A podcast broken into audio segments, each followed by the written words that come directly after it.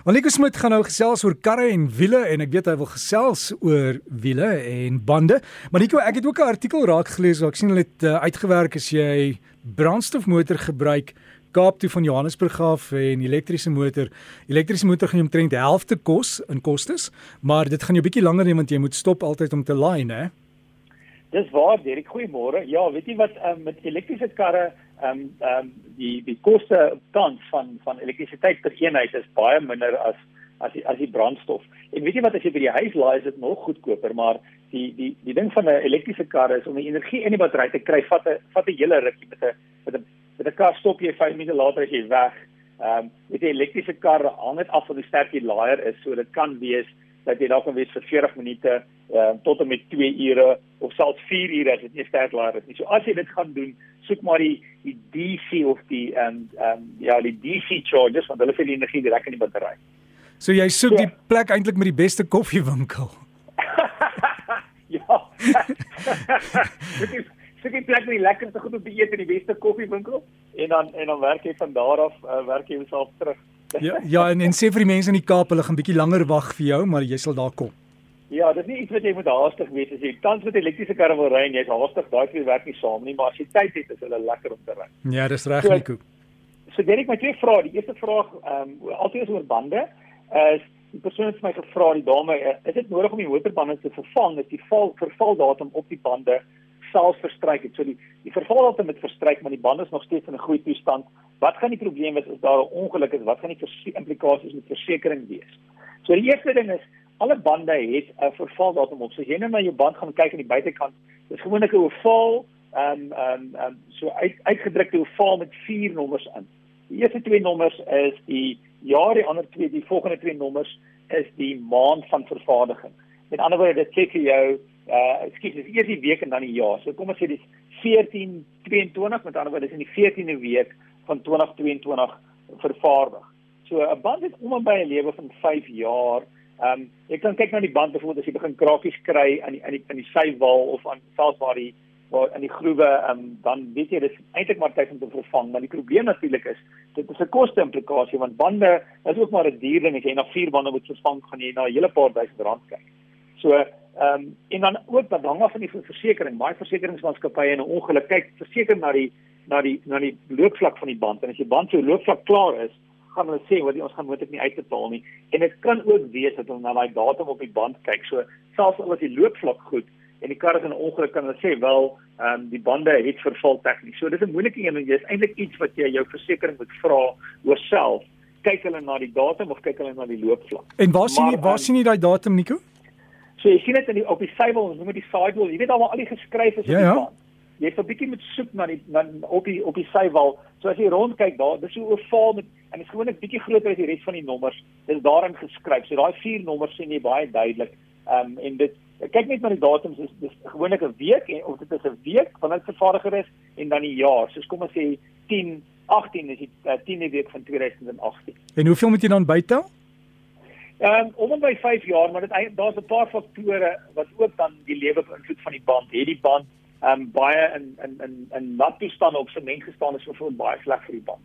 So ehm um, net daar daar's baie faktore wat mense in ag neem. Ek weet ek sal kom as ek myself vat As daar nog loopvlak is na 5 jaar, gaan ek nie nou eers skielik die bande vervang nie want dit is baie duur om die bande te vervang. So jy moet self daai besluit maak en dit presies sê dit hang ook van die versekerings af.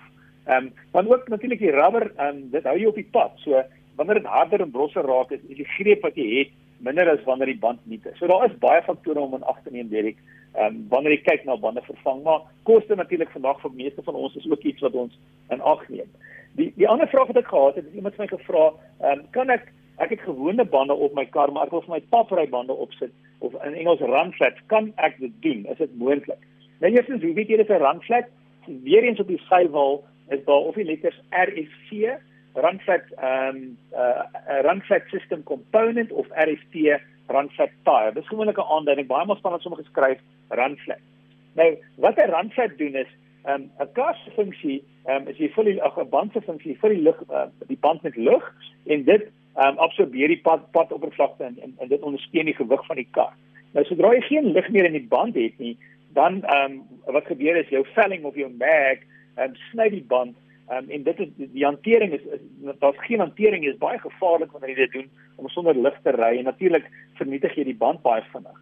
Nou wat 'n 'n runflat is of 'n papryband is, die sywalle is baie sterk. So dit ondersteun die gewig van die kar. So selfs al is daar geen lig in die band nie, word die gewig baie goed ondersteun deur hierdie sywalle wat baie harder is. Met ander woorde, as jy nou ergens kom sê jy ry ergens heen en jy kry uh, skielik is daar 'n spyker wat reg deur die band druk, dan uh, kan jy nog steeds ry vir lange van die bande af maar omtrent 80 km teen 80 km/h. Met ander woorde, jy kan redelik ver ry selfs al is daar geen lug in die band nie omdat die sywal die gewig van die kar ondersteun. So dit is goeie uh, goeie um, ding in 'n noodgeval in plaas van dat jy langs die snelweg staan en 'n band moet vervang en dit is gevaarlik, kan jy daarom huis toe ry. So dis die voordeel van 'n papryband. Maar altyd saam met 'n papryband, nommer 1 gaan 'n uh, stelsel wat vir jou sê 'n uh, banddrukmeter met ander woorde um, om vir te sê die lug is uit want omdat 'n papryband so goed is om die gewig te ondersteun, kan jy self nie kyk en dit sien nie. En selfs as jy stadig ry en jy dit nie ook nie voel nie. So jy het 'n 'n banddrukmeter nodig om vir te sê daar is 'n papband sodat jy dit kan sien. Ek het byvoorbeeld by BMW gewerk het, ehm um, gevorderde bestuurskus is een van die karre een oggend het het gewys dat die band is pap. En toe by die voorstasie kom het die meter gesien 0 daar was geen lug in die band nie maar ek kon dit nie voel toe ek so toe gery het nie. So die papry tegnologie um, is baie goed maar die nadeel van 'n papry band is hy's nog hy's duurder as 'n gewone band. So vir dieselfde band om hom te ver, uh, om 'n papry band op te sit kos baie meer geld. Dan het jy ook 'n spesiale velling of 'n spesiale mag nodig wat wat wat op 'n ander manier seël want 'n papryband 'n bietjie anders as 'n gewone band. So jy kan nie net jou gewone ehm um, mag of 'n velling vat en net 'n papryband opsit nie. Jy gaan ook dit moet vervang as jy paprybande moet opsit. En dan 'n uh, uh, omdat 'n papryband ehm um, uh, versterker is in die, in die sywal is die band swaarder en die rit is harder. So dit beteken ook in die lang duur as jou ehm um, onderstel jou suspensie suspension soos dit in Engels sê. Onderstel nie ontwerp is vir dit is nie uh, vir dit nie. Kan jy in die land hier ook skade maak aan die onderstel of aan die suspension van die voertuig um, omdat as gevolg van daai ekstra gewig en as gevolg van die feit dat die band harder is.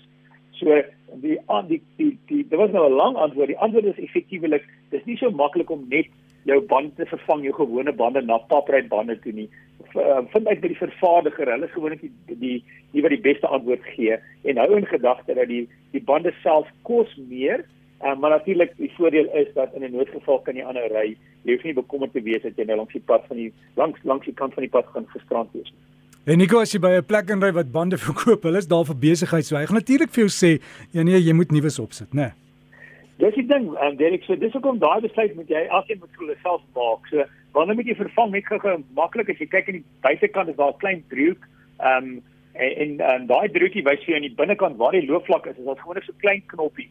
En as daai gelyk is met die loopvlak moet jy vervang. Met ander woorde dis om en by die die diepte van 'n vuurhoekie. As jy vuurhoekie kan insit en hy steek uit dan het jy tyd om jou bande te vervang. So Nico alles van die beste en lekker naweek Dankie self vir jou Dankie aan Nico Smit daar met ons wiele bydra En onthou as jy wil kontak maak, jy kan vir Nico e-pos wiele by rsg.co.za en gaan kyk maar na daai bande en kyk of jy darm nog binne perke is en veilig wees op die pad asseblief.